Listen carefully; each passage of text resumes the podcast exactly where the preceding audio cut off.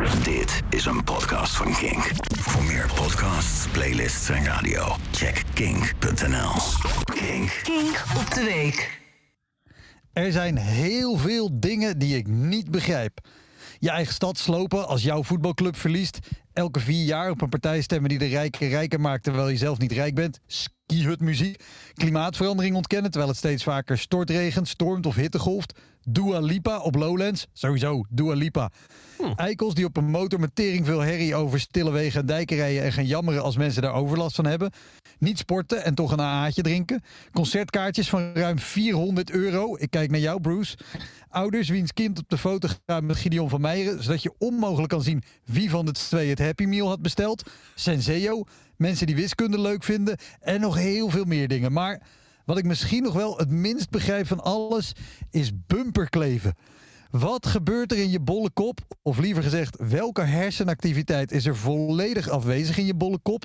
Als je met 140 km per uur op me af komt racen en je pas op het allerlaatste moment denkt: verdomd, er rijdt een auto voor me. Ik kan er niet bovenover, ik kan er niet onderdoor, ik moet er wel dwars doorheen.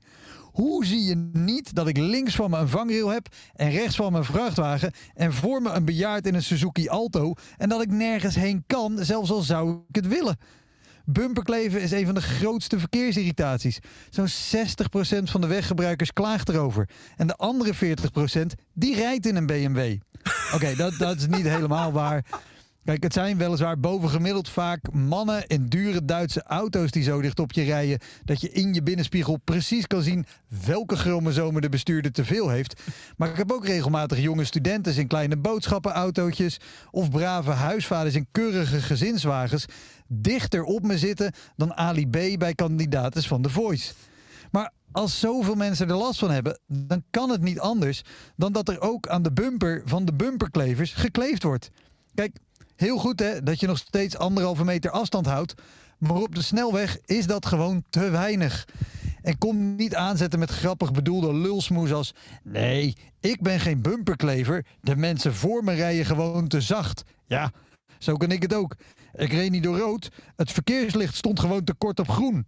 Nee, ik reed niet over een groep fietsende pubers heen. Zij staken gewoon te vroeg over. Of nee, ik zit niet dronken achter het stuur. Deze kroeg lijkt gewoon heel erg op een Opel Ascona. En als je nu denkt, ja, ik rij ook wel eens te dicht op iemand, maar ik kan dat hè, want ik ben een supergoeie chauffeur. Bullshit. Het feit dat jij elke week Formule 1 kijkt, maakt je nog geen Max Verstappen hè. Ik kijk graag kattenfilmpjes. Volgens jouw logica zou ik mezelf de hele dag moeten kunnen vermaken met een kartonnen doos en een laserpen. Nou, ik heb het geprobeerd. Fucking saai. Bumperkleven zorgt voor de meeste kopstaartbotsingen. En daarmee voor veel files en oponthoud. Dus omdat jij één seconde sneller denkt te zijn, moeten wij allemaal wachten. En misschien kleef je onbewust bumper. Dat kan.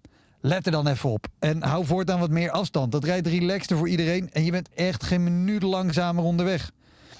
Maar als je bewust zo dicht op mensen rijdt dat je kan zien wat er in een kofferbak ligt, dan hoop ik dat je autoradio op Sky Radio springt en er voor altijd op vast blijft staan. En wens ik je eindeloos veel Lego-blokjes onder je voeten. Want willens en wetens bumperkleven, daar snap ik echt geen hol van. Dit was een podcast van Kink. Voor meer podcasts, playlists en radio, check kink.nl.